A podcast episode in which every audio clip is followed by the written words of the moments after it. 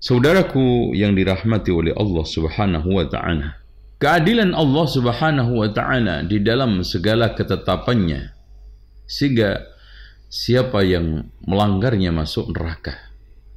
Sehingga di dalam akidah ahli sunnati wal jamaah kalau seandainya Allah Subhanahu wa taala memasukkan hambanya ke neraka itu sudah berdasarkan keadilan Allah dan seluruh perintah kebaikan itu adalah rahmat. Sehingga tidaklah seorang hamba dimasukkan oleh Allah ke dalam surga bukan semata-mata karena amalnya akan tetapi karena rahmat dari Allah. Sehingga Rasulullah sallallahu alaihi wasallam mengatakan ma minkum min ahadin yadkhulul jannata bi'amalihi.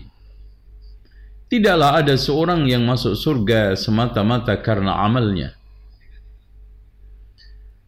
Wala anta ya Rasulullah meskipun engkau wahai Rasulullah wala ana meskipun saya saya illa ghammadiyani Allah taala bi fadlin minhu wa rahmah hanya saja aku diberikan karunia dan rahmat oleh Allah.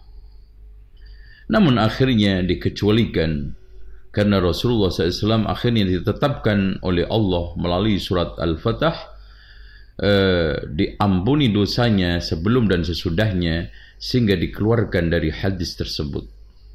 Adapun kita tidak ada yang bisa memastikan. Wala tuzakku anfusakum huwa a'lamu biman ittaqa. Jangan di antara kalian merekomendasi diri kalian karena Allah lah yang paling tahu siapa di antara kalian yang bertakwa. Yang takwa itu akhirnya memasukkan ke dalam surga. Yang takwa itu akhirnya mendatangkan rahmat dari Allah. Yang takwa itu akhirnya mendatangkan cinta kasih sayang Allah Subhanahu wa taala